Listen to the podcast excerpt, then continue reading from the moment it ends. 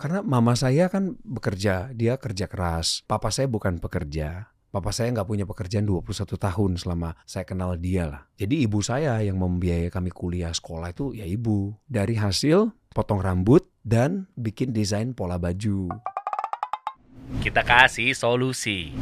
Mas Coki Sitohang, seniorku. Waduh, Oh iya dong. dari mana lu? Saya junior, Anda guru saya. Bahkan kalau nggak salah, nggak tahu deh Anda ingat apa nggak, Mas?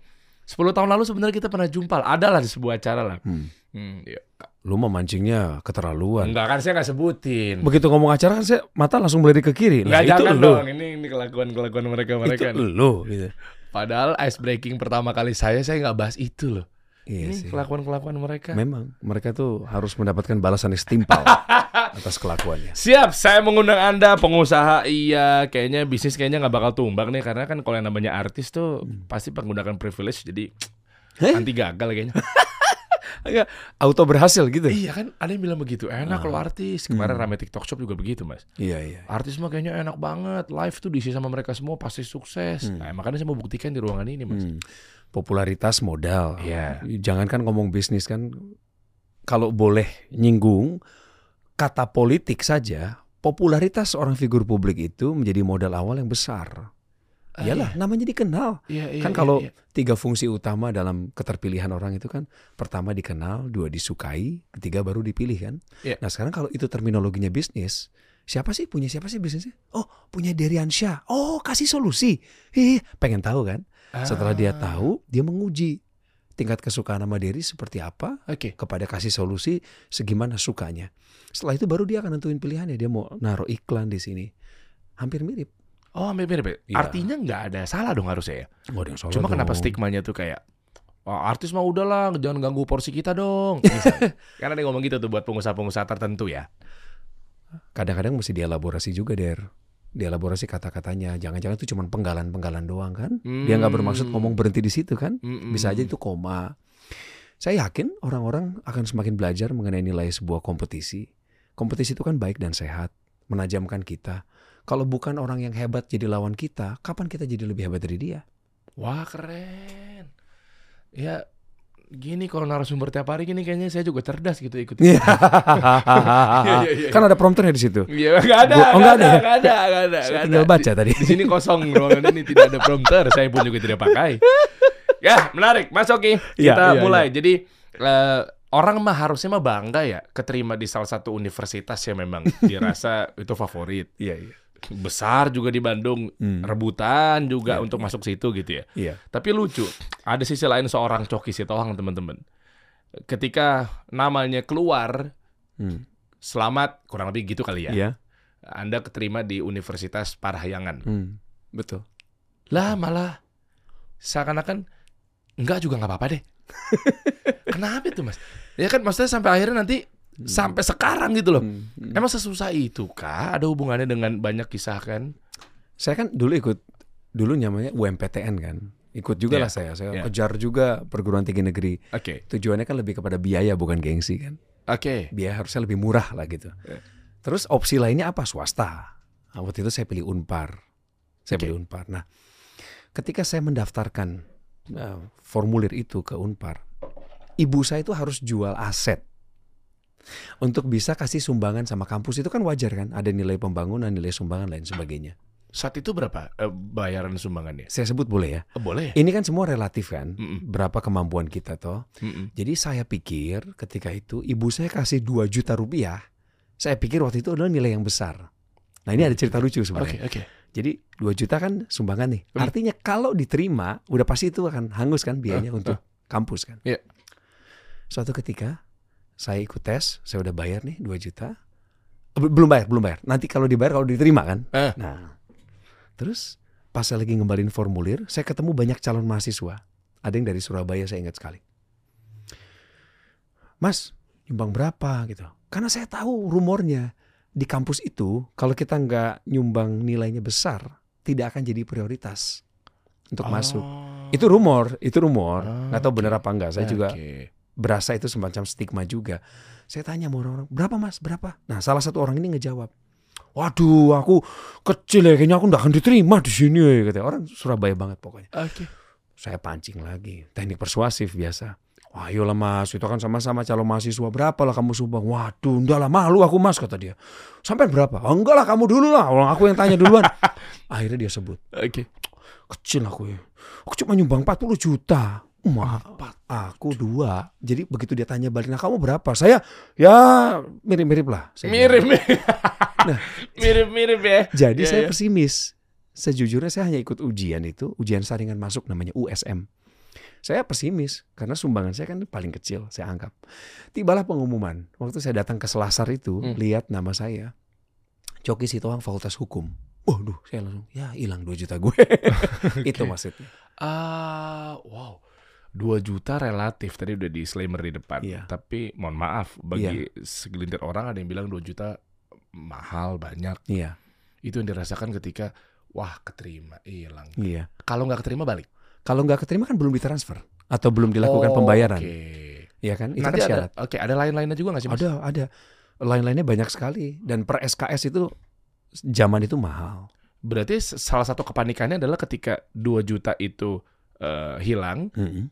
Dan jadi koma tuh di situ ya. Dan akan ada biaya tambahan lagi. Pasti. Dan Itu- bingung lantar ruangnya dari mana? Ya, Oh. karena mama saya kan bekerja, dia kerja keras. Papa saya bukan pekerja. Papa saya nggak punya pekerjaan 21 tahun selama saya kenal dia lah. Nah, pergumulan beliau memang seperti itu. Jadi ibu saya yang membiayai kami kuliah sekolah itu ya ibu. Dari hasil potong rambut dan bikin desain pola baju. Jadi waktu mama mau daftarin saya itu ya dia harus jual aset. Itulah Hmm. kenapa saya memilih kuliah itu saya jadi iya enggak iya enggak gitu. Karena saya waktu itu udah siaran di radio di Bandung. Hmm. Tapi ya harus kuliah. Akhirnya masuk. Dalam perjalanannya orang lain kalau kuliah hukum berapa tahun sih rata-rata? Empat ya. Oh ya, empat. Oh, saya dua tahun. Lah kok bisa cepat? Do. Iya. Em, saya harapan saya Iya. tuh wah eh, pintar sekali Iya, ya. iya. Jadi dua dua tahun Betul. deh. oh. Kan empat semester. Jadi dari 159 SKS yang harus ditempuh, saya berhasil kira-kira 70 atau 72, saya ingat saya. Sebenarnya udah halfway to go. Sudah separuh jalan. Tapi suatu ketika ibu saya panggil. Dia bilang begini, Cok, kamu kerja yang beneran deh sekarang. Mama udah susah nih biayain kamu. Saya ingat betul itu. Makanya saya cuti. Hmm. Cuti kampus, kerja. Nah, awalnya kan kerja saya di radio, di radio OS. Tapi kan kerja itu bukan pekerjaan utama, itu hanya senang-senang aja. Gaji 60 ribu per bulan, hanya bantu mama di ongkos. Oh Nah, iya. Itu bukan pekerjaan gitu. Makanya mama saya bilang, cari kerja betulan aja. Saat itulah saya melamar ke Jakarta. Dan di situ saya berhenti kuliah. Awalnya mau cuti, lama-lama kebablasan. Akhirnya saya tinggalin kuliah saya. Itulah definisi drop out buat saya. Ah, bukan karena masalah bukan karena nakal, bandel, Enggak. berantem, Ya, males. enggak lah ya, enggak lah. Saya Enggak ya? berani ngomong enggak lah. 159 SKS, saya 70 SKS halfway to go loh. Oh iya sih. Oke lah. Ya itu Oke. indikasinya oke lah. Oke lah, lumayan. Meskipun saya juga nggak berprestasi-berprestasi amat Iya, di iya, kampus. Cuma waktu itu begitu ke Jakarta, let's say hijrah lah Bandung, Jakarta gitu ya. Tapi gambarannya gimana mas? Sebelum sekarang kan akhirnya kan kalau kita longkap dikit ke from this to this-nya gitu ya. Itu kan sekarang udah punya Hoshi Bakery. Nanti ceritain Iya. ya. Ini kan Oke, oke. kebentur pandemi juga sempat rame juga tuh ya. Iya, Karena kan iya, ada iya. di mall. Betul. Dan begitu pandemi datang, mall nggak ada Uh, aktivitas. uh. Aduh berdarah. Tapi uniknya, kok bisa Hmm. ada privilege di Indonesia Timur? Indonesia Timur Iya. malah kenceng. Iya, iya. Tapi iya, waktu iya. itu kan P, namanya apa sih waktu itu P, PSKB? PPKM. PPKM. PPKM. Kan Timur juga ada dong PPKM. Ada, ada. Nanti ceritain deh Mas. ya, Boleh. Strateginya gimana? Nah, begitu ke Jakarta, let's say, Hmm. mimpinya apa gitu loh? Mau ngapain? Memang Hmm. udah kebayang bahwa kayak oke, saya kayaknya punya bakat public speaking, and then nanti pasti gue punya public speaking school kayak Hmm. sekarang gitu ya. Iya, iya. Eh, terus kayak udah setajam itu monetize-nya gitu. Belum, belum, belum. Hah? Belum punya visi setajam itu, Mas Dery sama sekali enggak. Tujuan saya ke Jakarta dalam jangka pendek saat itu adalah untuk bekerja supaya bisa dapat uang per bulan, bisa bantu ibu dan adik-adik saya bisa tetap sekolah. Jadi saya pindah Jakarta tahun 2002 Mm-mm. menerima pekerjaan sebagai jurnalis TV di La TV, stasiun TV-nya La TV namanya. Sekarang namanya TV One. TV One, Ah, iya lah. Dulu awal-awal tahun 2001, 2002 itu namanya La TV. Nah, saya sudah jadi karyawan tanggal 5 Agustus 2002 di sana. apa tuh wartawan aja? Eh, jurnalis televisi, reporter. Tapi in frame. Ya, kami melakukan reportase dari lapangan, kami menulis berita, supply berita sore, berita malam. Oh. Memang tugasnya wartawan aja, tapi kan kami di stasiun televisi, jadi jurnalis TV. Iya. Tapi pilih itu memang karena hati nurani. Enggak.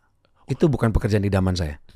Kok bisa sekarang nggak tahu nih. Ini berarti menarik nih ilmu-ilmu public speaking serapi itu. Saya nonton Anda kemarin waktu di Ismail Marzuki, Mas. Oh iya. Hmm, yang Pak SBY lelang Oh, iya, lukisan, iya, iya, iya. ada Pak Anies juga tuh. Ingat, ingat, ingat. Iya kan? Ingat banget. Nge-MC berdua. Ya Allah.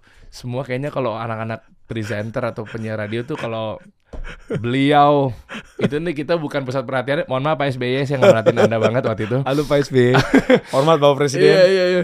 Karena kalau kita kan ya announcer lah ya. Pasti kalau kayak gini kan ketemu senior ngeliat apa ya mau bukan berarti beliau mantan presiden kita gitu, tapi waktu itu saya banyak belajar malah nengoknya ke sini. Kita menyebutnya beliau adalah presiden ke-6. Oh iya kemarin gitu. Mm-mm. Kita sudah mulai menyosialisasikan hal itu. Saya juga termasuk orang yang berpedoman pada hal itu. Makanya saya kalau ketemu Ibu Mega, ketemu Pak SBY, saya selalu hormat Bapak Presiden. Selamat siang Ibu Presiden. Ada orang-orang yang geliti ke saya gitu. Presidennya Pak Jokowi sekarang. Betul. Presiden kita Pak Jokowi, tapi beliau presiden pada masanya. Ah. Saya menghindari kata mantan presiden. Oke. Nah ini yang mau saya tanyakan nih, pas banget nih kita taba- tabayun lah istilahnya. ya. Tabayun dong. Ini agak lompat dikit teman-teman ya. Jadi ini obrolannya saya bentar saya mau alihkan ke sini sebentar nanti saya balik lagi ya. Em, waktu kemarin saya nonton Hmm. dari pas Pak Anies kan, abis itu kan ke Pak Iya. SBY. Iya. Ini ada ilmu tentang public speaking yang mau Iya. saya gali ya teman-teman ya Iya. karena memang ini insight juga terkait karir bisnis juga kan gimana caranya mungkin lu kepake nantinya di promosi barang dagangan apa segala macam gitu ya. Yes. Openingnya tuh itu dan sapaan eh, Mas Coki ke audiens pada saat itu ada saya di tengah-tengah juga. Iya. Kok nyebutnya eh, selamat datang? Saya ngeliat kan beliau pada datang tuh rame-rame kan. Betul. Eh, Presiden Re- Republik Indonesia keenam, Iya. ya kan? Iya. Eh, Bapak Susilo Bambang Yudhoyono gitu. Hmm. Oh, saya langsung mikir gini. Ini antara dua mata pisau Hmm. eh, Mas Cokinya atau eh, arahan IO. Hmm. Iya dong, Atau aturan tertulis maupun tidak tertulis. Iya. Kan gitu kan. atau aturan. Iya. Itu memang ada ilmunya A- a- apa gimana ya, Mas? Dua hal. Eh. Tinjauannya dua hal ya. Yang Oke. pertama itu ada ilmunya. Ilmu mencari tahu. Kita sebagai MC itu punya tanggung jawab informasi intelijen maupun informasi lapangan yang kita olah saat itu. Jangan jadi MC, jangan jadi penyiar, jangan jadi seorang penyiar siniar seperti ini tuh hanya mau terima naskah aja, baca terus siaran. 3 to 1 action gitu. Jangan, jangan. Jangan kecilkan kapasitas kamu hanya melakukan tugas sederhana. Do more complexity. Wow. Ber, berjalanlah, lang- melangkah lebih besar daripada yang dituntut. Itu saya. Hmm. Saya nggak tahu sama yang lain. Tapi ini membawa kebaikan buat saya. Contohnya begini. Waktu saya ketemu banyak protokoler, kami juga mengajar di Sekretariat Negara, public speaking, kan banyak diskusi dengan mereka kan. Saya tanya sama mereka apa aturannya sekarang menyebut, dulu saya sebutnya mantan-mantan presiden. Ini beberapa tahun lalu nih, sudah cukup lama. Hmm. Mereka katakan, Mas, kita menghormati para presiden yang masih ada sampai sekarang. Jadi kita sebut per periodenya. Oh, keren. Lagi pula, kalau bicara soal tulisan mantan presiden, mantan panglima, mantan kapolri, itu biasanya tulisan spontanitas kaum jurnalis independen. Oh ya? Oh iya, Makanya makanya kelihatan deh. ya tulisan media, tulisan wartawan itu kan sebenarnya ruang berpikirnya luas, abstrak dan nggak boleh dibatasin loh. Kalau seorang jurnalis katakan mantan presiden Susilo Bambang Yudhoyono itu hak media untuk menulis. Eh, boleh dong. Boleh. Oke. Nggak boleh orang mendikte atau timnya Pak SBY datang tiba-tiba bilang, eh saya protes ya nggak boleh sebut mantan presiden. Nggak boleh. Karena alam berpikir seorang jurnalis itu abstrak. Iya. Yang penting dia tidak mendiskreditkan orang atas pangkat dan jabatannya kan. Ah, Boleh kan? Tapi di sisi lain, dua informasi ini kan ada sisi yang berbeda juga. Iya. Dari sisi keprotokoleran, negara tuh memberikan penghormatan tinggi kepada orang yang pernah mengabdikan dirinya pada bangsa ini. Uh, saat itu. Apalagi dia kepala negara. Ya, Makanya beliau disebut Presiden Republik Indonesia ke-6. ya. Ibu Megawati Presiden Republik Indonesia kelima dan seterusnya seterusnya. Jadi kepada mereka yang masih ada sampai sekarang, kita ucapkan selamat datang Bapak Presiden atau selamat datang Ibu Presiden. Boleh ditambahkan ke enam atau kelima. Saya nggak tahu teman-teman protokoler silahkan jawab nanti masukin aja kolom komentar. Iya. Apakah aturan ini tertulis atau tidak? Saya belum menyelidiki sejauh itu.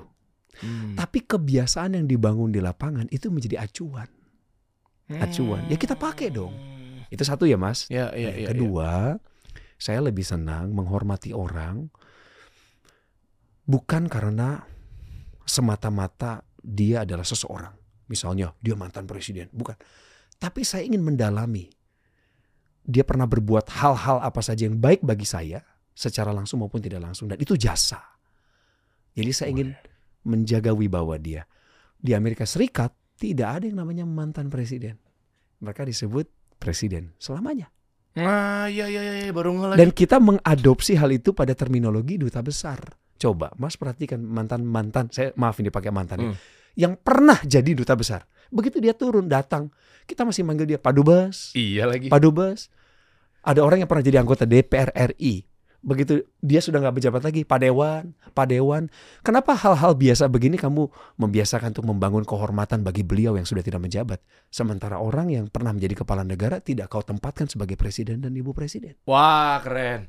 Iya juga Bagi ya. saya ya. Iya benar itu preferensi saya. Iya. Makanya begitu ketemu saya, Bapak Presiden, ya kalau mau dijabatnya Bapak Presiden ke-6.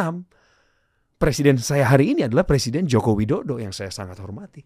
Tetap ketemu Presiden Jokowi juga Bapak Presiden. Gitu. What's the difference? Ah, iya. Mereka berjasa kok pada masanya. mereka mumet lah istilahnya ya, kepala negara. Come on. Waduh, penguasa dan seterusnya gitu. Artinya kan itu kan nggak sembarangan gitu. Iya. Tapi poinnya adalah bukan kita menunjukkan kegilaan hormat tidak. Hmm, Dan saya yakin beliau-beliau, saya percaya ini nurani, beliau-beliau bukan orang-orang gila hormat.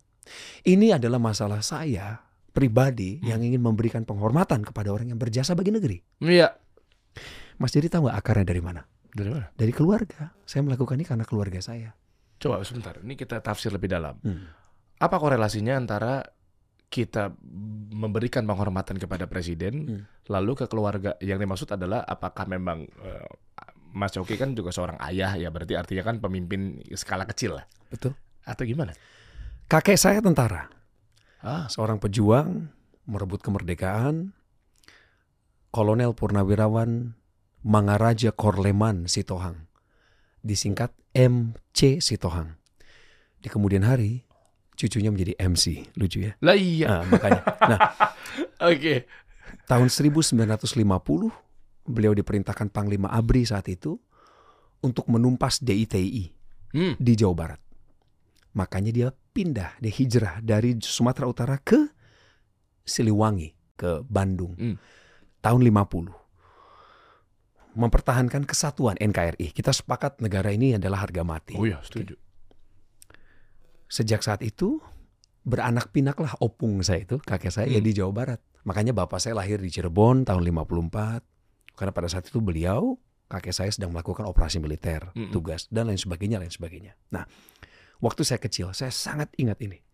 Kakek saya selalu doktrin saya di hari Jumat dan hari Sabtu. Apa? Jumat saya dijemput ke sekolah, dibawa ke rumahnya di Jalan Galunggung di Bandung dan saya didoktrin sama dia hampir setengah hari hanya untuk ngomong begini, Coki, tidak ada cara lain untuk melayani negeri ini kalau bukan lewat jalur militer. Saya didesain oleh beliau dari kecil untuk jadi tentara. Semua masuk doktrin Sabta Marga, Pancasila, masuk semua nih. Terutama Pancasila. Hmm. Makanya jangan coba-coba beradu argumentasi dengan saya mengenai patriotisme dan nasionalisme. Oh, Karena oke. dalam dalam terminologi kebangsaan itulah pedoman kita. Perbedaan itu selalu ada, tapi kesatuan kita sebagai bangsa tak terelakkan. Oke. Nah, gitu. Nah, kakek saya ngajarin gini, Mas. Kamu kalau ketemu sama tentara, kasih hormat. Ketemu polisi, kamu hormat. Apa pun pangkat dia. Karena gini, Coki. Suatu saat kalau kamu bisa membangun A, membangun B, kamu jadi berhasil, jadi sukses.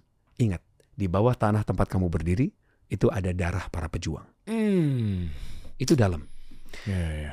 Jadi sampai hari ini nanti Mas Dery mau konfirmasi dengan di sini ada rekan-rekan saya ada Boleh. Christian Ah, ah.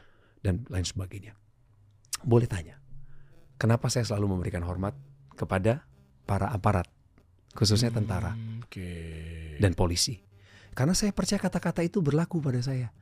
Bahwa di bawah tanah tempat Mas mendirikan Iya. studio ini ada Iya. kasih solusi nih. Iya. Jangan lupa nih, di bawah tanah ini ada darah mereka mengalir untuk memperebutkan kemerdekaan Oh, kita. iya. Sepakat tuh. Kita bekerja di atas tanah yang merdeka. Iya, iya. So please put your respect to him.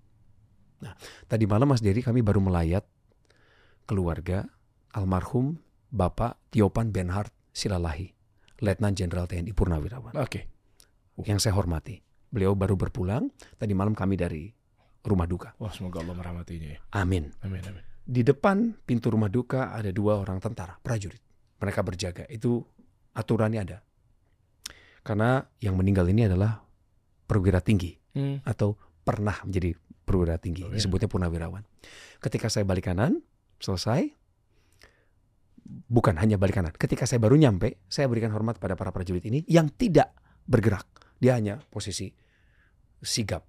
Mata hanya satu titik aja. Tapi saya beri hormat, beri hormat, baru saya masuk. Begitu meninggalkan tempat sama, saya hormat, hormat. Lalu salah satu tim saya nanya, kenapa sih hormat sama prajurit? Gitu. Hmm. Ya kan, pangkatnya kan hanya barbar aja Iya, dari iya. tamtama ya. Heeh. Dan mereka hanya tugas berdiri saja. Ya karena saya ingat prinsip tadi dari kakek saya. Meskipun mereka lebih muda dari saya, meskipun mereka tidak pernah ada di zaman penjajahan dulu, tapi warisan itu sama. Hmm, Karena seragam itu- Iya. Karena kebaikan para leluhur lewat yang memakai seragam itulah kita hari ini bisa menikmati kemerdekaan kita, Waduh. Mas. Ya, Bukankah ini yang namanya merdeka gitu? Kita bisa eh, ketemu, kita bisa hidup dengan aman di negara Iya. ini dan seterusnya gitu kan? Iya. Artinya kan mereka wah berjuang luar biasa gitu. Iya. Iya kan?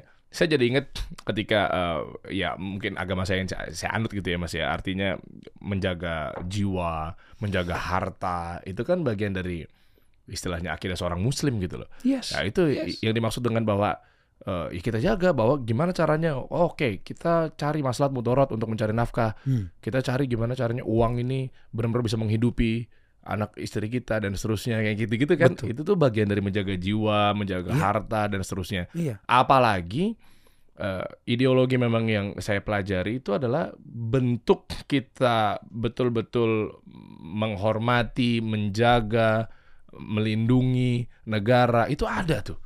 Yang kayak begitu-begitu tuh. Kan itu leluhur kita juga iya. menempatkan itu diselaraskan, diparalelkan, dilinearkan Iya, iya. dengan kitab para nabi.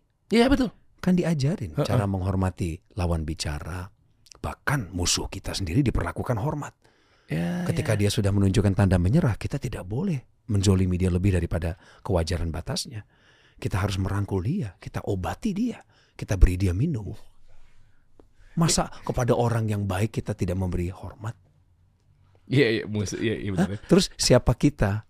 Siapa kita di zaman sekarang yang begitu cepat orang menghakimi lewat media, Mm. lewat gerakan tangan? Mm. Siapa kita menghakimi orang tanpa kita tahu masalah dia apa?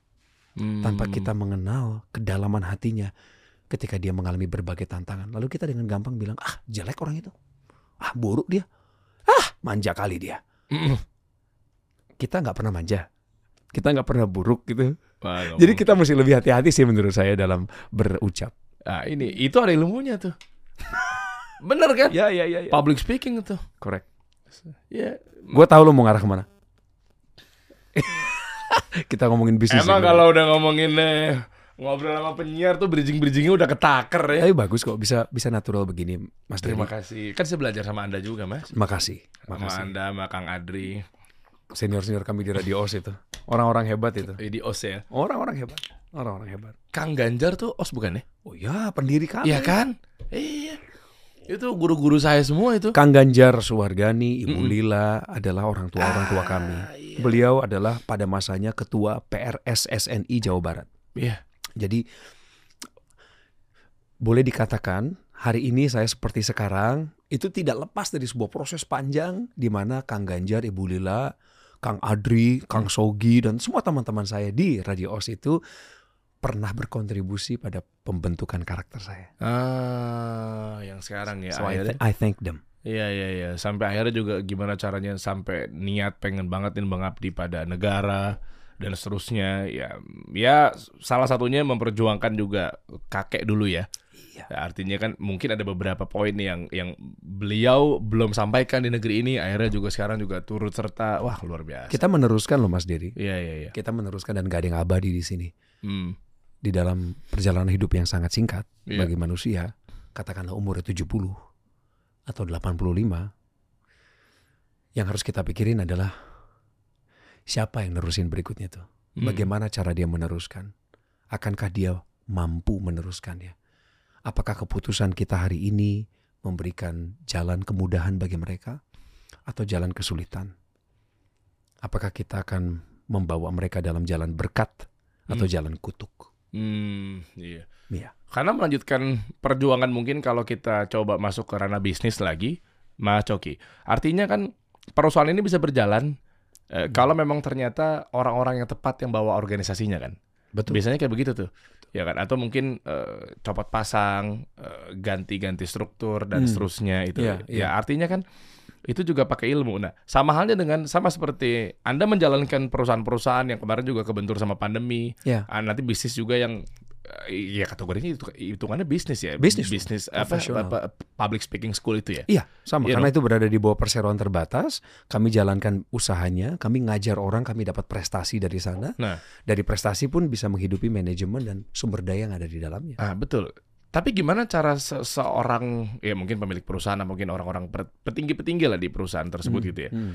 Eh, ketika melihat bahwa gara-gara dia benalu misalnya akhirnya jadi ngerusak semua organisasi itu kan sering Oh. terjadi. Nah, eh, berjalannya bisnis karir, nah ini kita munculin juga ya. Cosi public speaking. Ah, ini sekolah public speaking. Iya kan ada Cosi, ada Hoshi, ah, gitu-gitu lah ya. Nah ini kan berarti kan dibawa Iya, sama iya. orang-orang yang tepat dong pengajarannya. Iya. Ya kan orang-orang pasti kan mentor-mentor juga ada dong mas. Betul, betul. Selain saya ada dua Heeh. orang mentor lain. Nah gimana sih cara ngejalanin organisasi dalam berbisnis? Jangan sampai malah kita kena orang-orang yang taunya udah berjalan sekian tahun, Hmm. lah korup. Nah ini kan harus orang-orang yang benar gitu Hmm. memilihnya. Ya orang yang benar, insya Allah milihnya orang yang benar juga gitu. Nah itu poinnya gimana ya? Karena ini organisasi bahaya juga nih. Masalahnya adalah kita nggak pernah bisa memprediksi seutuhnya bahwa ketika kita memulainya dengan benar, kita sudah pasti akan mengakhirinya dengan benar. Oh ya. Kita kan nggak punya gambaran utuh. Yang kita bisa lakukan hanya berjalan di dalam visi itu kan, apa yang kita pandang ke depan. Hmm. Dan itu komitmen dalam kebersamaan. Jadi misalnya saya Hmm. bertiga nih. Chos ini didirikan bertiga. Saya sebagai founder dan CEO. Kemudian ada Mas Klin Tetelepta, Oke. Mas Ken, Direktur Riset dan Kurikulum kami. Kemudian ada Ko Febrian Temansyah, beliau Direktur Pengembangan Bisnis. Oke. Nah ini saham tiga orang ini dengan grupnya masing-masing di bawahnya. Hmm. Kami memulainya, ini ilmu dari saya ya, yang lain kan pasti punya pemikiran berbeda. Dari kami, kami memulainya dengan pertemanan. Ah, Oke. Kami memulai dengan perkawanan yang satu kolam. Kolamnya kolam public speaking. Mas Ken itu adalah pengajar, dia akademisi. Oke. Dan dia punya panggilan yang sama, gairah yang sama pada bidang komunikasi publik. Hmm. Sebelum mendirikan perusahaan ini, Choki Sitohang Speaking Incorporation di bawah bendera PT Inspirasi Bicara Indonesia, kami udah jalan mengiringi berbagai acara seminar pelatihan kampus tandem. Hmm. Dengan Ko Febrian juga sama. Bahkan saya dengan Ko Febrian sudah mendirikan Hoshi sebelumnya. Oh. Ada toko roti. Toko roti yang sudah kami dirikan 2010. Itu saya sama Ko Febrian. Dan bersama dengan tiga orang rekan yang lain. Nah ini dia. Nah ini. Nah, Ini ini usaha pertama saya mas setelah showbiz. Oh di luar showbiz tuh. Di luar showbiz adalah Iya, ini. Ini. Iya. Makanya 2010 ya. 2010 kami dirikan perusahaan Oke. PT Cahaya Fujiyama Kulinari dengan merek dagang Hoshi yang artinya bintang dalam bahasa Jepang. Nah, Mas, ini saya ingat izin saya mau menyelipkan kata-kata ini. Boleh. Pada tahun 2009, ketika itu saya lagi hits banget dengan acara yang Mas Dedi pernah ada di dalamnya. Pria single, tunjukkan personamu. Sat, jadi pengen turun lift. Neno, neno, neno, neno, take me out Indonesia. Eh, baru dimunculin. diputerin. Hey. bagus Dimas. Mantap, lanjutkan Mas Dimas. Jangan mundur kau dari panggilan kau. Nah, Iya, iya, iya. Mas, iya. waktu saya lagi hits ya, Ya, hit ini. the hit the top of the mountain Iya. from this side of uh, Iyalah, this kind saya of dipercayakan TV. masa depan saya pada Anda Saat untuk bantu ya. saya pada saat itu. Seorang mentor pernah ngomong sama saya gini, Coki, kalau kamu mau berusaha berwirausaha, sekaranglah saatnya. Jangan menunggu bintangmu redup. Ah. Itulah kenapa saya merasa ini urgensi sebuah dorongan untuk saya memiliki sebuah usaha lain Iya. ketimbang hanya mengurusi dunia pertunjukan, dunia entertainment. Hmm, Oke. Nah, padahal 2009 itu saya sedang menikmati pamor yang yang sedang tinggi-tingginya gitu. Tapi apa yang saya hasilkan dari pekerjaan di dunia hiburan itu sebagian saya sisihkan untuk mendirikan usaha. Iya. Nah, ini menjadi dorongan motivasi karena juga ada cerita dari banyak figur-figur publik lain yang di masa emasnya dulu begitu terkenal, tapi di masa tuanya tidak memiliki tabungan yang cukup untuk melanjutkan kehidupan. Hmm. Bahkan mereka udah nggak bisa lagi improvisasi untuk saya mau berusaha dong saya berkontribusi sekian gitu. Secara real money ya, Hmm. uang yang asli gitu. Udah nggak punya karena udah lewat masa keemasannya. Entah dia menginvestasikan di mana itu uang hasil daripada kerja keras yang dalam dunia hiburan besar. Oke. Iyalah mas, saya bersyukur sama Tuhan. Tuhan memberkati usaha saya, pekerjaan saya. Sehingga saya punya aset kan. Nah ini mau dikemanain uang ini? Apakah hanya mau ditaruh di bank, tabungan? Apakah mau dibelikan aset yang bergerak atau tidak bergerak? Atau dijadikan sebuah usaha bersama dengan rekan-rekan? Nah saya memilih sebagian dijadikan usaha. Ini. Makanya roti. Nah, Iya. kenapa roti? No, Nah, padahal ini duluan ketimbang yang public speaking public school. speaking school tadi. Correct. Ya kan harusnya kan yang relate dong. Jadi ah, menariknya adalah Hmm. sejak saya dibisikin mentor saya mengenai jangan tunggu bintangmu redup baru kau berusaha, berwirausaha. Itu saya ngobrol sama Ko Febrian sahabat saya. Waktu itu sebenarnya pancingan dari dia, dia nanya, "Cok, kalau gue pengen jadiin lu brand ambassador usaha gue, gue mesti bayar berapa?" Dan jawaban saya sama diplomatisnya kepada publik yang lain yang bertanya hal sama. Saya bilang, ngobrol aja sama manajer gue. Hmm. Ya dong, karena itu Oke. entitasnya manajemen kan, Iya, manajemennya iya, saya Coki Sitohang. Tapi saya nggak berhenti di situ, saya pancing kok Febrian. Emang lu mau bikin apa sih kok? Mau bikin usaha apa? Ini gue mau bikin toko roti kata dia. Roti apa? Roti sehat. Pertama roti itu adalah kesukaan saya Mas Diri. Oh. Saya dari kecil tuh suka banget makan roti karena teringat masa kecil saya. Papa saya selalu belikan roti pulang dia habis beraktivitas. Hmm. Dan saya masih ingat merek rotinya di Bandung. Saya nggak tahu masih ada apa enggak Apa itu? roti isinya nanas, roti nanas isi gitu. Ah, Oke. Oh, nanas kalau roti Iya. enak banget itu. Itu roti legendaris di Bandung namanya Sido Dadi. Saya nggak tahu masih ada apa enggak. Kalau bapak ibu masih berusaha hari ini, saya berdoa usahamu diberkati Tuhan. Karena Amin. amin. roti ini jadi kenangan masa kecil saya sama bapak saya. Hmm. Tadi di awal saya ceritakan Iya. bapak saya nggak bekerja 21 tahun. Ya, ya. Jadi dia kalau punya uang sedikit, dia beliin saya roti itu pulang bawakan ke rumah hanya satu. Satu yang dalam bungkus plastik warna putih dan itu udah bejek rotinya. Oh, Oke. Karena dia kan naik turun kendaraan umum, Iya, iya, iya. beca. Jadi ditaruh di sakunya. Itu mengingatkan saya pada Ah, tahun 2010 roti. Oh, roti. Saya suka banget roti gitu. Yang kedua roti sehat. Karena saya waktu itu lagi menjalankan pola hidup sehat yang konsisten saat itu. Dan waktu itu sempat yang sakit itu nggak sih rame beritanya? Oh, saya sudah sembuh saat itu. Udah sembuh ya? Gara-gara saya sakit tahun 2005, saya belajar untuk mengatur pola hidup saya. Dari Ah, pola makan, pola istirahat, dan latihan. Jadi ah, udah oke. cocok kan roti, gaya hidup sehat. Iya. Ini saya bilang, Kofeb, saya bilang, daripada lu jadiin gua brand ambassador, kalau mau bangun usaha nih, mesti chip in berapa? Wah, gayung bersambut tuh. Cocok kan hitungan-hitungannya kan? Iya, iya, iya, iya. Bisnis plan-nya, COGS-nya sudah diprediksi. Dari situ saya mulai cemplungin usaha, uang saya ke dalam usaha tersebut. Pertama lagi tuh. Pertama. Lagi dahsyat-dahsyatnya tuh. 2010. Oh, berapa digit miliar tuh? Eh, harta yang dimiliki saat itu. De- eh, dengan intangible asset saya itu Oh. menembus batas M. Kalau dihitung dengan intangible ya, Iya, iya, iya. miliar masuknya. Intangible yang dimaksud adalah, adalah- eh, audiens penonton gitu ya. Iya, karena kan kita memiliki nilai Iya, tambah ketimbang shareholder lain yang hanya memberikan uang ibaratnya. Mm-mm. Karena saya juga yang mempromosikan, Mm-mm. saya juga yang masuk dalam pemasaran. Muka saya yang dipakai di situ. Itu semua kan harus ada perhitungannya secara real, Betul. fair dalam bisnis. Kalau ada apa-apa pasti mukanya duluan yang diincer. Pasti. Wah, ini rotinya kayak gini nih. Ah, rotinya coki nih. Jadi si gitu Coki kan. nih. Iya. Iya, Itu mesti ada perhitungan. Tapi saya katakan waktu itu ratusan juta masuk ke dalam kas perusahaan untuk membangun. Hmm. Nah, apa yang terjadi setelahnya? Bisnisnya rugi. Hah? Roti ini rugi. Sebentar. Narasi marketingnya apa tuh, Mas? Maksudnya kan Ah, bukan salah narasi marketing. karena sebentar, ini 2000 berapa? 2010. di 2010. Pandemi mall kan belum Central Park, saya ingat sekali. resesi juga nggak ada di saat itu. Waktu itu kami menyewa area kira-kira 130 meter persegi. Dalam bentuk ruko. Bukan, dalam bentuk tenan. Kami kan tenan, Oh, di, tenan, di mall oke. besar itu kan. Oke. Seperti teman-teman tahu, biaya sewa di mall itu mahalnya wow gitu iya, ya. iya. Nah, dari awal kami salah perhitungan.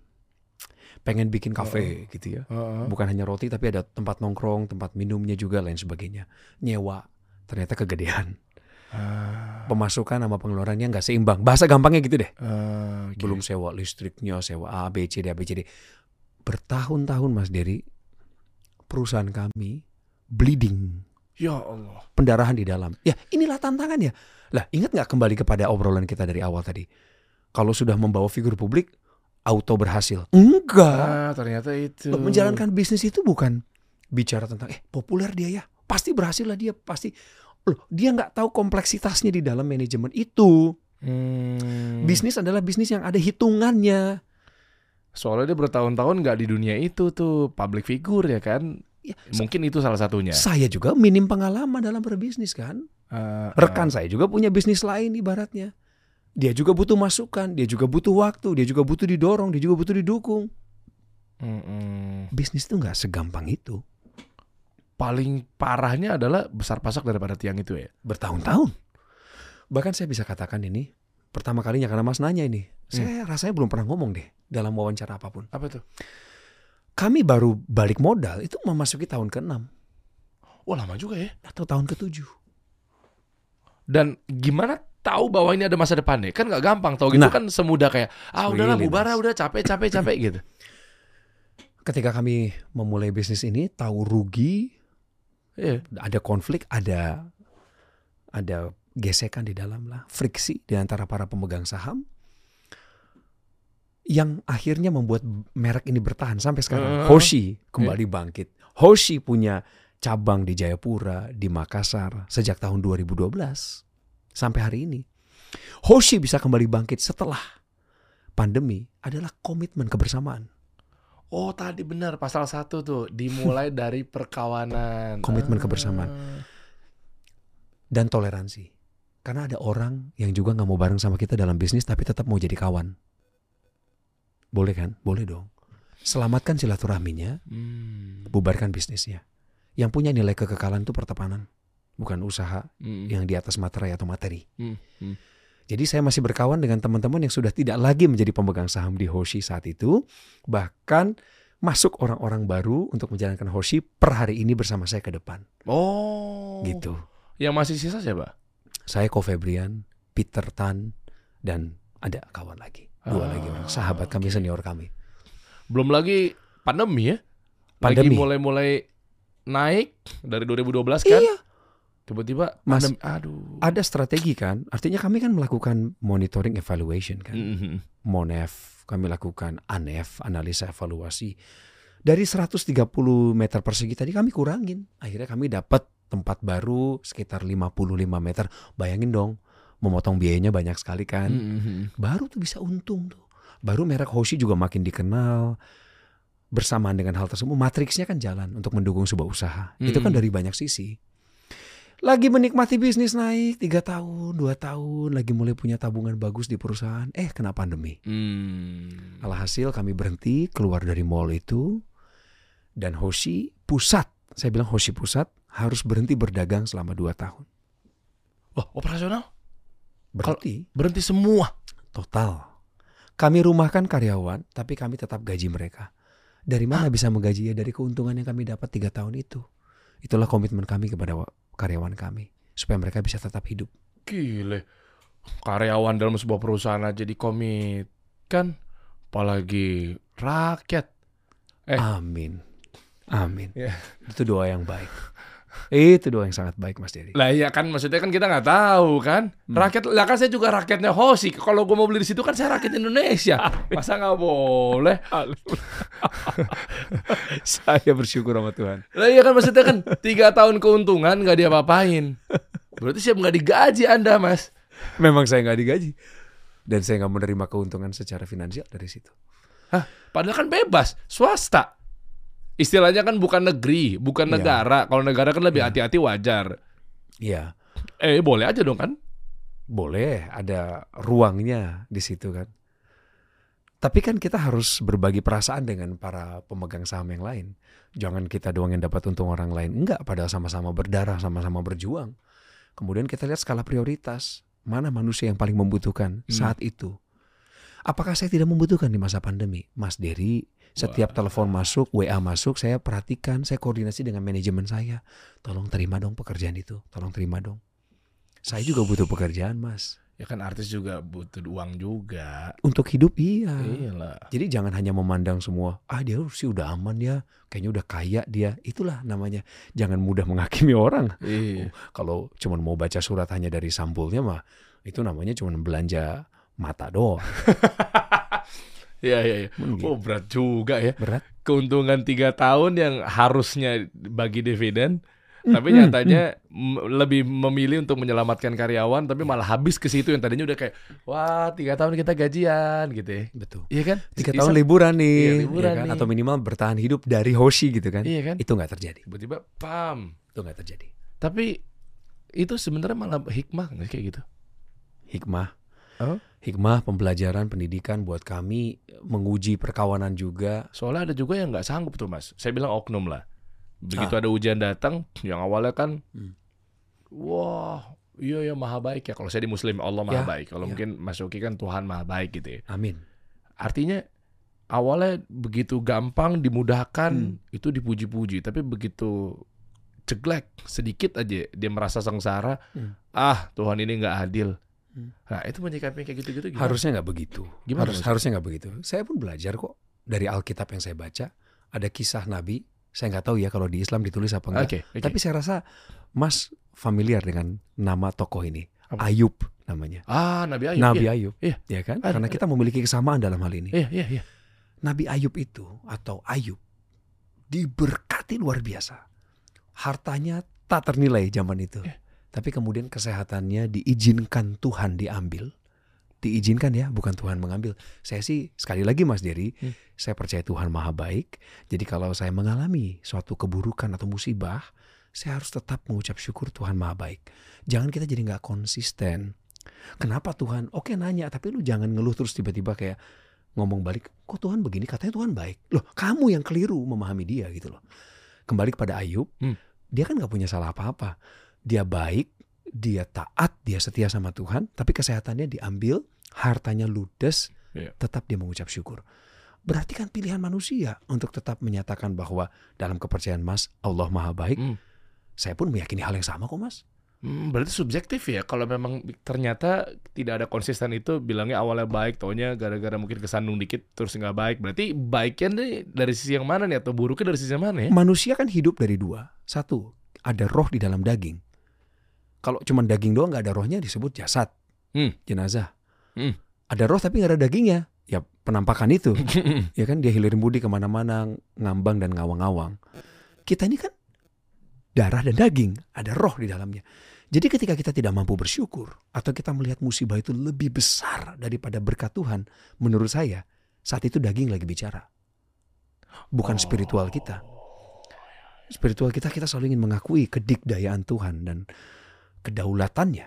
Tapi daging ini terlalu lemah sehingga kita mengatakan sakit Tuhan, sakit kali penderitaan ini. Kenapa lah aku ini dikasih pandemi? Nggak ada job aku Tuhan. Aku masih punya utang nih Tuhan sampai hari ini gitu. Seolah-olah Tuhan nggak bisa berbuat apa-apa Hmm, dan iya. tidak bisa mengubah keadaan kita. Padahal sebelum itu terjadi, saya percaya Tuhan pasti berharap juga kita mengubah cara pandang kita akan Dia, kepada Dia. Bagaimana hati kita tetap lurus sama Dia.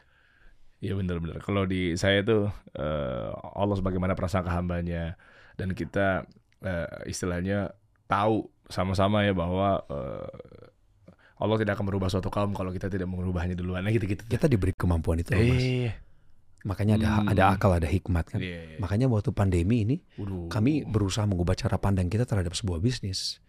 Oke kita pause, kita berhenti sejenak. Oke kita dua tahun nih. Bahkan waktu itu kami nggak bisa prediksi sampai kapan nih Iya. kita berhenti. nggak ada yang tahu. Maka kami memprioritaskan apa yang tetap ada di tangan. Contoh, kan kami punya cabang di Jayapura, ada di Makassar. Itu harus tetap kami dukung dari pusat. Kenapa itu? Yang lainnya emang nggak bisa didukung. Karena yang di pusat itu kan harus shutdown saat itu kan. Iya, oke. Nah, sementara kalau kita lepas tangan, kita terus mengeluh akan pandemi yang belum bisa diprediksi sampai kapan saat itu ya. Hmm. Bagaimana mitra kita yang ada di Jayapura? Gimana mitra kita yang di Makassar? bagaimana mereka bisa menjalankan bisnisnya, usahanya melanjutkan. Hoshi yang di cabang sana itu kan juga menghidupi banyak orang. Dan Hmm. mereka masih ada loh di sana. Mereka nggak perlu shutdown karena rukonya punya sendiri misalnya. Hmm, Propertinya punya sendiri di cabang. Kami kan nyewa kepada mall sebelumnya. hmm. Dan pasca pandemi belum tahu nih kita mau berusaha di mana. Mau balik ke mall lagi, katakanlah modalnya nggak pas, nggak sepadan. Hmm. Kan gitu mas. Jadi lakukan apa yang ada di tanganmu saat ini secara konsisten. Apa yang ada padamu, jangan apa yang nggak ada. Kalau nyari yang nggak ada mah sampai kapan juga nggak akan nemu. gitu loh. Ah, Kadang-kadang kan ya. ilmu daya juangnya manusia ada di situ. What you still have in your hands. Ada orang yang kena stroke, dia separuh lumpuh, tapi dia masih bisa mikir, dia masih bisa bicara. Lalu dia mulai berbicara di depan banyak orang, dia menyatakan rasa syukurnya yang besar sekalipun dia kena stroke. Dari kesaksian itu dia menguatkan jiwa-jiwa. Orang jadi punya pengharapan lagi dalam Tuhan. Ya udah lanjutin aja hidupmu gitu loh. Uh, Iya gak sih? iya iya iya. iya. Ya, terus mau Akhirnya- ngapain mas? Akhirnya iya iyalah, apalagi tinggal aset yang ada di sana kan. Terus maksudnya ya udah di shutdown juga ya. Masa nggak ada ikhtiar sama sekali? Nah, saya suka kata ikhtiar. Itu Iya. yang saya lakukan juga dalam perjuangan saya hari-hari ini dalam melayani masyarakat. Kata orang, nggak mungkin loh, mustahil lah. Ah, mau apa lu? Cita-cita ke sana, ke politik, katakanlah demikian. Hmm. Saya bilang loh, ikhtiar itu urusan kita. Lalu dia bilang, kok bisa kamu tahu kata ikhtiar? Loh itu kan serapan bahasa Indonesia. Saya bilang, ikhtiar itu artinya daya juang, perjuangan, niat baik kamu. Dan niat baik itu nggak bisa dipendam di hati. Oh, saya punya ikhtiar. Apa ikhtiarmu? Ini ada cita-cita di hati. Nggak bisa, itu bukan ikhtiar. Itu niatan. Nah, Ikhtiar itu kamu mau melangkah. Kau lakukan sesuatu yang bisa kau lakukan.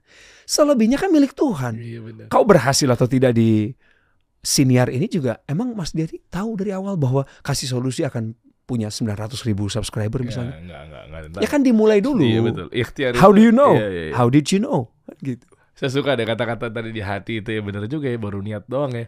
Kita mau kaya sih, iya bener ya. Pokoknya gua kalau udah punya banyak duit mah tenang gue bakal bagi-bagiin ke orang-orang. Gue mah orangnya nggak pelit gitu ya. Hmm. Tapi di kamar doang gitu sambil nonton TV. Enggak. Gimana? Gimana sih?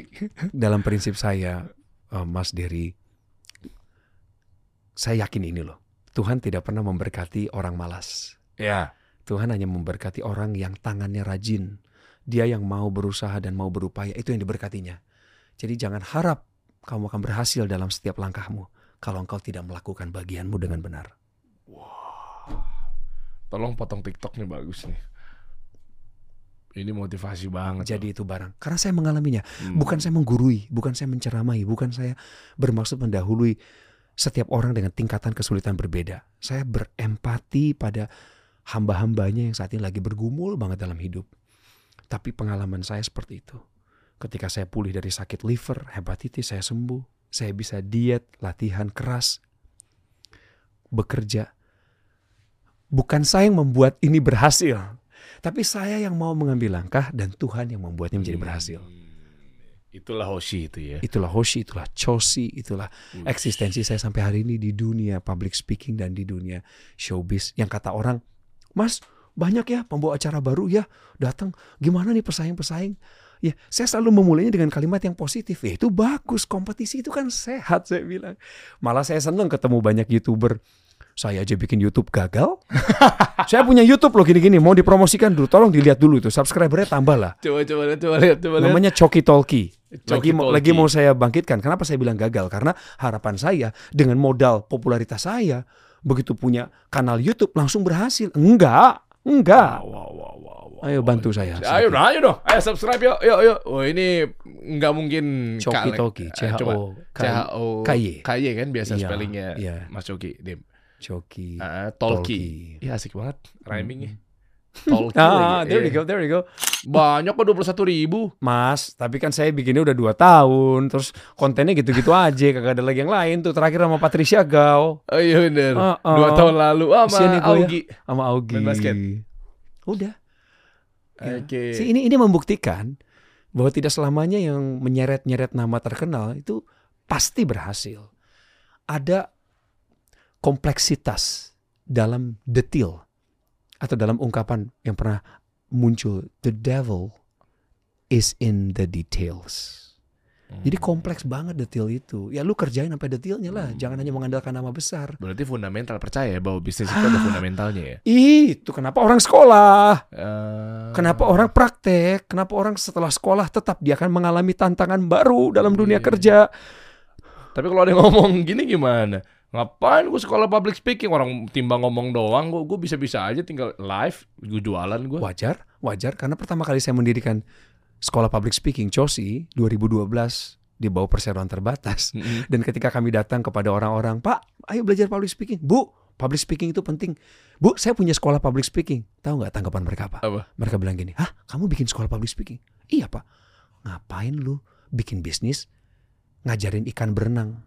Wah, ini menarik nih.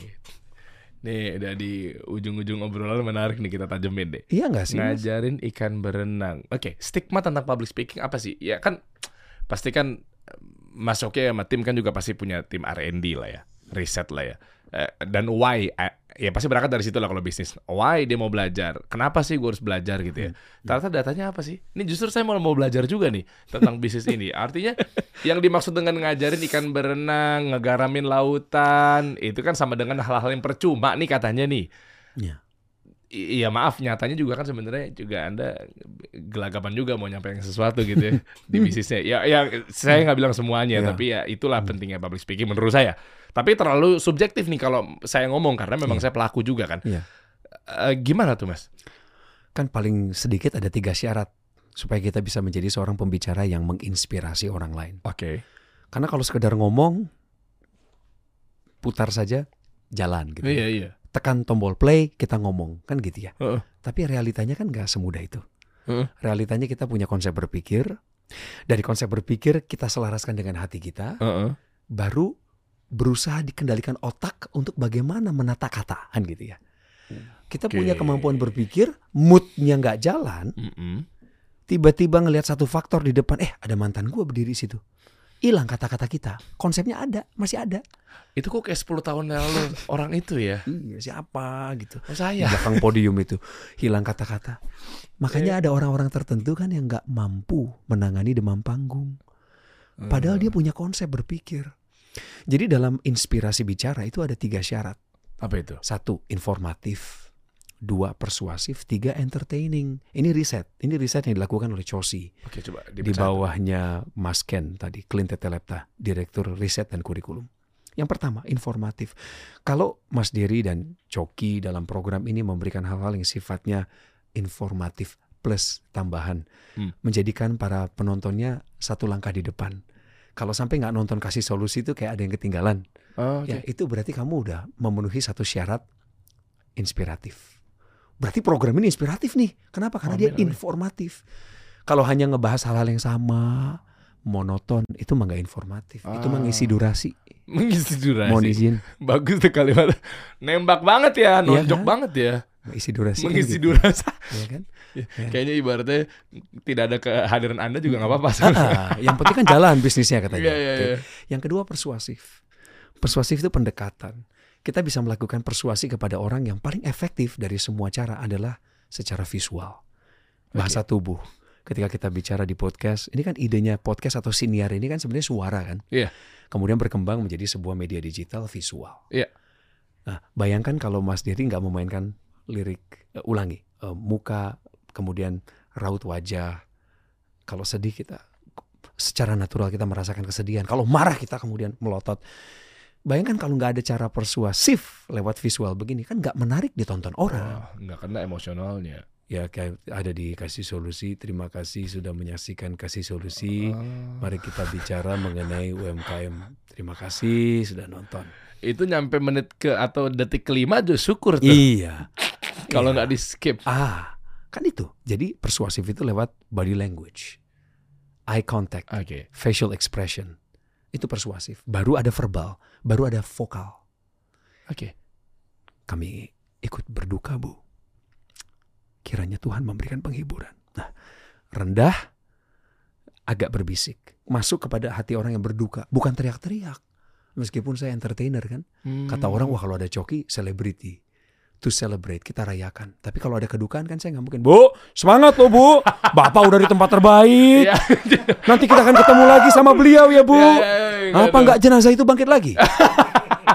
Sebelum waktunya, Iya iya iya iya. ya kan? iya, iya. Jadi persuasif kan pendekatan. Nah yang terakhir itu entertaining, menghibur. Hmm. Makanya yang dicari itu ya platform-platform hiburan kan. TikTok, Instagram, YouTube yang selalu diangkat naik, turun, scroll down, scroll up. Ya. Mana yang menghibur duluan gitu. Jadi kalau tiga hal ini dikombinasikan, maka kamu menjadi pembicara yang menginspirasi orang. Oh. Dan- Itu baru satu hal. Karena kamu harus belajar bagaimana berbicara efektif dan efisien. oh dalam waktu singkat misalnya. Iya.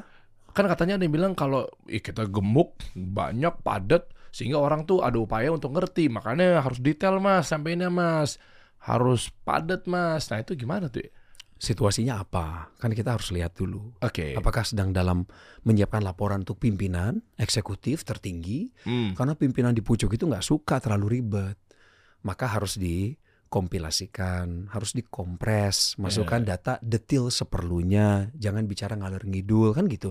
Heeh. Tapi kalau kita bicara seminar, durasinya cukup, siniar seperti ini, boleh lebih dalam nggak ada masalah. Jadi nggak selalu harus Ah, singkat. Jadi harus tahu Eh, ya. gemuk momennya. juga tahu. Ada beberapa pembicaraan yang sifatnya gemuk, tapi isunya memang lagi hangat.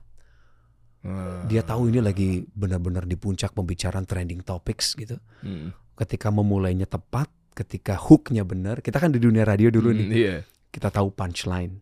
Punchline kan kalau dulu dalam dunia radio era 90-an 2000-an awal selalu di ujung kalimat sebelum masuk lagu. Iya. Punchline-nya apa? Tapi kan punchline bisa ditarik ke depan. Kita Oke. buat punchline di depan dulu kan. Iya, iya hook Is- itu. Iya, hook itu isu-isu apa nih yang pertama sehingga orang pengen bertahan. Ya itu teknik public speaking. Nah, sekarang kita udah ngomongin public speaking ini 10 menit nih, Mas. Sejak pertanyaanmu tadi, kenapa ikan itu mesti belajar berenang? Bayangin kompleksnya kayak apa. Uh. Saya aja masih belajar, kenapa Anda nggak mau belajar public speaking? Iya iya iya iya iya iya. Wow, keren. Ini udah berapa total membernya, Mas?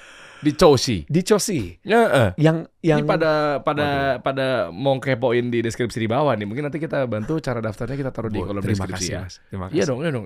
Saya juga pengen, maksudnya kan visi misinya dikasih solusi kan juga clear ya untuk bantu memang spesifikasinya ke UMKM. Betul, betul. Nah, cuma begitu saya cek UMKM nggak cuma sekedar marketing ternyata.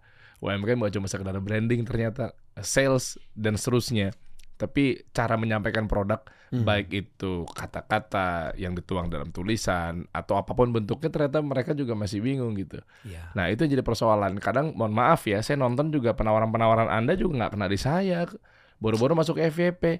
Anda live aja saya tonton, ya kan kita juga banyak bina UMKM juga gitu ya Iya. baru masuk aja mohon maaf banget nggak ada sama sekali bikin tertarik nah itulah pentingnya public speaking bukan masalah ikan Iya. berenang gitu ikan mah berenang gitu Betul. itu Betul. aja cuma terus maksudnya berenangnya ke arah mananya dulu itu ikan juga butuh ilmu gitu Iya, loh nggak cuma terus dia mau ke mana gitu Apalagi manusia kan yang diberi akal, hikmat, akal budi kan oleh Tuhan. iya Oleh sebab itu kita harus selalu berpikir bagaimana caranya bertumbuh.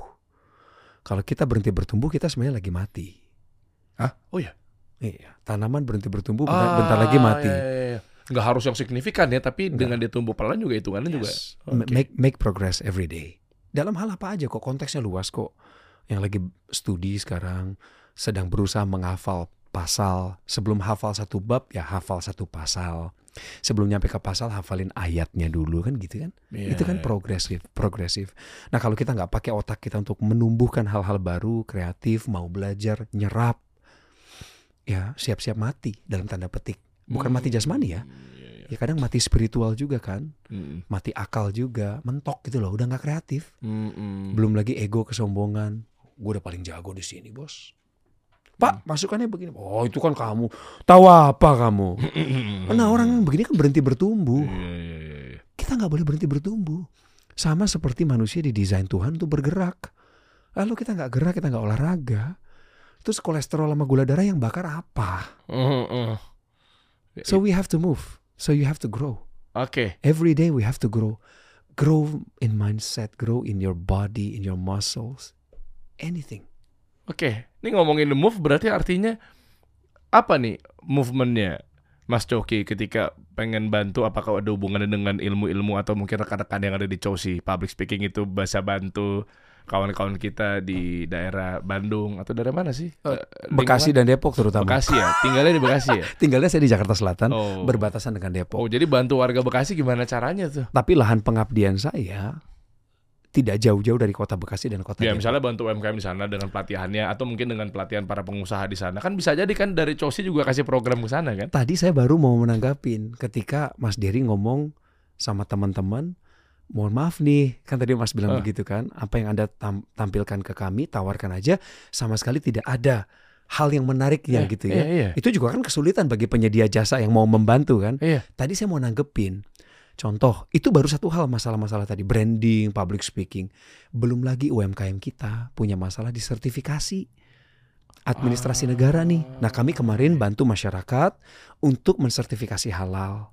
Kami bekerja sama dengan rekan-rekan yang ada di kementerian, membawa data-data dari masyarakat Kota Bekasi, Kota Depok kepada mereka untuk diurusin oleh negara. Karena sebenarnya ini hak mereka kok. Supaya jangan sampai mereka terjegal oleh aturan. Oh, sampai segitunya. Sampai ya? segitunya. Sampai segitunya pengen bantu mereka. Harus mas, harus. Karena anggap ini sebagai menjemput aspirasi. Oh ya, tapi kan eh, sesulit itu mereka ngurus eh, masalah sertifikat. Oh, ada ada ada Pungli? masyarakat belum tentu mindset Oh iya. kan ada aja masyarakat kita di bawah itu yang ngerasa kayak ah perlu nggak perlu ya? Apa celakanya nantinya? Why? terjegal ketika ada pengawasan. Ketika aturan itu diketatkan. Ketika hanya ada UMKM tertentu yang boleh masuk di area bisnis ini lalu ditanya mana persyaratannya? Dia nggak punya. Ah, padahal dia udah punya produknya dia udah jalankan bisnisnya skemanya udah ada marginnya udah ada tapi nggak ada administrasinya gimana sih nunggu lagi ya. Iya kan, ngurus lagi sertifikasi halal. Dan orang masih berpikir, eh halal kayaknya ribet ya, nanti akan berhubungan dengan kesulitan-kesulitan finansial. Kadang-kadang orang belum dapat informasi yang cukup, udah antipati. Hmm. Sama kayak orang naik motor. Yang penting dia udah bisa berkendara motor, oh, nggak usah lah pakai helm. orang ke warung deket. depan doang. Eh, mending kayak gitu berpikirnya. Ah, nggak apa-apa lah mobil-mobil itu lawan saya, saya lawan mereka. Ya. eh. Lawan arus, Mas Dery. Bagaimana kita kesal di jalan melihat orang apa ndak sayang sama hidupmu? Ya padahal salah satu syarat kelulusan orang bisa mengendarai motor dapat SIM C adalah dia mengenal rambu-rambu dengan benar. Sekarang UMKM perlu sertifikasi nggak? Perlu. Apakah itu rambu-rambu? Itu rambu-rambu negara Iya, iya, yang iya. akan menolong kamu mengembangkan usaha kamu. Jadi kami bantu. Salah satu programnya adalah menjembatani masyarakat dengan pemerintah. Wah, ini sulit tuh mereka tuh, berat tuh. Public speaking tadi Mas singgung. Ya, saya memberikan pelatihan-pelatihan public speaking yang dasar kepada mereka yang membutuhkan. Enggak juga saya jadi mengobrol, oh ini public speakingnya pelatihannya gratis. Enggak, enggak. Ilmu saya itu ada takarannya. Ilmu memang tidak dibawa mati, tapi saya sebagai founder dan CEO Coki Sitong Speaking Corporation, saya juga bertanggung jawab pada perusahaan saya. Saya nggak bisa melabrak aturan gampangan hanya gara-gara saya punya kepentingan di Bekasi dan Depok. Saya mengubah skemanya, bahasanya kita narasikan ulang. Kreativitas mas, investasi nol rupiah, mencerdaskan kehidupan bangsa. Coki Sitohang peduli kok pada masyarakat yang mau belajar. Pada saat itu kan saya bisa keluar dari entitas bisnis sebentar. Lalu kembali lagi ke usaha untuk menjalankan bisnis. Bisa. Ah, Oke, dan gak semua ilmu juga bukan berarti harus dibagikan secara gratis. I- ibaratnya gitu ya. Kalau tadi saya menyambut atau uh, apa ya, ya kita ba- bahas lah tadi yang Mas Yoki bilang. Hmm. Artinya kan kalau gitu kuliah ya udah nggak usah bayar gitu, duduk aja langsung di bangku di dalam gitu. Pikiran kita nggak boleh sependek itu, sesempit itu. Lalu kemudian kita mulai mengata-ngatai pemerintah, kita mulai mengata-ngatai orang yang sedang berkuasa atas hidup kita. Lalu kita bilang, kau nggak beres kau kerjain? Harusnya masyarakat ini diberikan edukasi semua gratis. Lah dia nggak tahu hitungannya. Bedakan gratis dengan transaksi, bedakan edukasi dengan syarat gitu loh. Kalau syarat itu ya lu mau belajar dari gue nih, gue mau kasih public speaking, bayar dulu dong. Tapi Oke. kalau kalau mengedukasi, kamu mau belajar public speaking, yuk kita ngopi, duduk bareng, saya kasih tahu ya, ini ilmu dasarnya. Tapi kalau kamu pengen lebih tajam, datanglah ke sekolah saya. Saya juga punya usaha yang pajaknya dibayarkan kepada negara. Itu juga menghidupi loh. Oh ya. Jadi ya. dia pun perlu diedukasi. Iya. Teman-teman kita UMKM ini nggak boleh cuma punya mentalitas maunya gratisan. Dia Iya. nggak bertumbuh. Dan kita mengajarkan dia yang tidak benar. Iya benar. Gitu. Iya Dev. benar. Dengan kita ikutan berbayar juga artinya kan ada bentuk niatan kita juga untuk eh, sebuah ilmu ya. Orang lebih berkomitmen Ya. ketika dia berani berkorban secara materi. Ya, nice. Ya, ini kita langsung oprek-oprek aja ya. Saya memanggil Anda untuk melakukan aksi nih. Mau nge-follow dulu boleh, silakan. Makasih, Ya makasih. kan? Tuh ada kontak personnya juga. Ya, Ya kalau beliau mah udah nggak diragukan lah kayaknya nih. Kami berkontribusi Mas Der. Masya Allah, Monggo, Masya silakan. Allah. Ayo mau belajar, Iya. ayo, ayo. Terima kasih Mas Yoki Makasih sudah banget, benar-benar komit ya sampai sekarang dari tahun 2012 ya. Iya. Sampai iya. sekarang loh 10 Puji tahun Tuhan. lebih, Masya Allah. Ya. Makasih Mas. Cosi underscore public speaking ada eh cobain Hoshi dong nanti dong kita ke BSD ya. BSD Ada ya? sudah ada, iya. Di ruko Golden Vienna kami buka, ada Ah. restorannya, ada makanan yang lebih lengkap. Roti sehat saya mau. Dan, ah, Ah. Mas Dedi kan penggemar kopi. Ah iya, Saya kan baru tahu nih, Ah. tapi nanti saya akan balik lagi. Apa tuh? Kita janjian ketemu, saya mau kasih kopi khusus. mau dong, mau dong. Karena kami punya kopi Papua. Kopi Wamena Arabica Papua, ya. Dan setiap kali kita minum kopi Papua, kita bertransaksi dengan kopi Papua, ingat loh, kita memikirkan nasib hidupnya para petani kopi. Oh iya. Ada kopi Papua. Ada ya, nanti mau dong tuh. Ini saya jadi dari tadi saya tahan-tahan saya belum nyeruput dari tadi. Loh, sampai begini saya. Dan ja- dan berhentilah menyalahkan kopi untuk masalah lambung kau. Saya kan lagi diet. Kalau baru makan jam 12 siang, kalau minumnya kopinya jam-jam sekarang, nanti kan asam lambung naik. Gimana sih kopi nggak boleh kita kopi itu perutnya kosong. Coba ya, ini selagi kosong nih, Bismillah. Insya Allah aman. Iya, iya. Oh, karena bukan sasetan jagung. nah, Mas, itu kan edukasi, Jun Sewu. Betul, Mas. Saya kan tahu dari Anda tadi, gara-gara edukasi. Mas. Makanya gue curhat tadi ya guys. Mas, tentang kopi kan datang-datang bawa ini nih. Iya, Tumblernya. punya sendiri. Iya kan? Habis itu, uh, ngopi pagi-pagi aman. Oh, langsung jelasin tuh. Tat, tat, tat, tat. Oh, pantesan saya lagi fasting. Terus minum lagi kosong kok nggak apa-apa karena kan saya suka yang americano adalah di dua kopi itu yang Ya. punya abangnya Raisa tuh ya istilahnya punya Raisa juga lah berarti kali ya ini ini saya suka tuh karena ada eh, arabic keasamannya americanonya agak unik tuh makanya saya Oke. suka tapi kita nggak grind sendiri apa segala macam Oke. makanya aman Oke. yang jadi masalah ketika Nyampur gula, nyampur kental manis. Maaf ya, kental manis itu bukan susu. Kan orang Kan bilangnya. SKM kan, susu kental manis. susu Enggak, kental enggak. Dunia medis udah ngomong kok, itu nggak boleh disebut susu Oh, kental manis. Sekarang udah ada aturannya. Itu, itu, kental manis. Karena tidak ada susu di dalamnya. ya Itu kan ber- fermentasi dan semuanya adalah gula. berapa tahun tuh kita baru tahu tuh ya, Ya. guys Ya, jadi kalau dicampur sama kopi, kopi yang nggak punya dosa apa-apa, dia mengandung kafein dan memberikan tenaga, membantu mengalihkan fokus baik untuk jantung, iya peredaran darah. Wah, Hmm. banyak banget risetnya lah silahkan buka sendiri gampang. Yang penting jangan disesatkan. Tapi kalau dicampur sama gula lain cerita. Dicampur sama kental manis ya lain cerita. Gulanya muncul dan tidak semua saluran pencernaan kita cocok dengan Hmm. kopi yang dicampur gula. oke Kopi yang dicampur sama KM tadi. kental kental manis ya manis. pantesan saya emang nggak pernah pakai gula tuh makanya ya, alhamdulillah gitu loh Baik-baik aja. kan? baik aja Nah, yang disalahin apa kalau ada asam lambung? Kopinya. Padahal tadi cara minumnya keliru, campur-campur gula terus misalnya. Hmm. Pun demikian, Mas Dedi saya sarankan tetaplah berkonsultasi dengan dokter dan ahli gizi. Hmm. Kalau memang nggak ada keluhan, oke, tapi kan ahlinya bisa memberikan masukan yang Ya, lebih ya, baik. ya, ya. Jadi apa yang saya minum hari ini, yang kopi hitam tanpa gula ini, kebiasaan saya baik bagi saya, belum tentu baik bagi anda. Tapi lakukanlah riset lebih jauh supaya nggak gampang menyalahkan kopi. Wih gila. Aku bocorin aja dikit ah. Nih gue bongkar ujung-ujungnya obrolan barusan beliau ya sebelum kita tutup nih ya. Ini kayaknya cuma orang tertentu bisa menilai deh. Itu kerapihan dari disclaimernya tuh wah keren. Ini boleh bocorin izin ya Mas ya. Ayo, ayo Iya silakan. iya. Sat. Karena gimana jelasinnya ya? Ah, repot ah, Anda aja jelasinnya. Apa sih? Ya intinya kan tadi kan begitu tadi takutnya koreksi kalau salah ya. Ini ilmu Ya. public speaking. Ini wajib ikutan di Choshi deh. Serius. Kita kadang begitu melihat khawatir seorang public speaker tuh dipotong dan akhirnya jadi digoreng itu karena memang nggak clear tuh ujungnya. Ya. Saya nggak tahu lah ilmunya lah. Ya mungkin Anda lebih tahu ya. Terus tiba-tiba langsung masuk set ujung-ujungnya ditambahin itu bagi saya silakan Anda konsultasikan ke yang ahli. Ya. Itu kan keamanan saat Iya. berkomunikasi itu. Itu Benar. keren banget loh. Benar, benar Mas. Ya benar gak sih? Saya berharap yang tadi nggak dipotong. Iya betul. Ya. Iya, iya. Karena apa?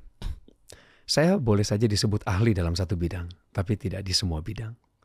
Pengalaman saya sangat subjektif, Hmm. pengalaman saya sangat pribadi, masih perlu diuji, Iya, iya, iya. ya kan? Iya dong. Keren. Ayolah, kita berbagi lahan lah. Keren, keren. Iya kan kalau ada mentalannya ke sana, kau tanya sama ahli di sana. Iya. Kau perlu yang sini, tanya ahli yang sini. Kau perlu tahu dibandingkan public speaking, ya tanyalah aku. Aku pun belum tentu bisa kasih solusi. Paling tidak aku bisa kasih pandangan. Wah, ganti nama dong. Tolong dong dicopot dong jadi pandangan belakang. Ah, kau bikin aja yang baru, bro. Iya, Ya, ya, kasih ya, ya. pandangan. Iya, iya, iya. Ayo. Dan ketika program itu muncul, entah itu segmentasi khusus, entah itu religi, pandangan, perspektif, Iya, iya, iya. Let me know. Boleh, Anda lah yang terang ngisi. Saya di belakang aja.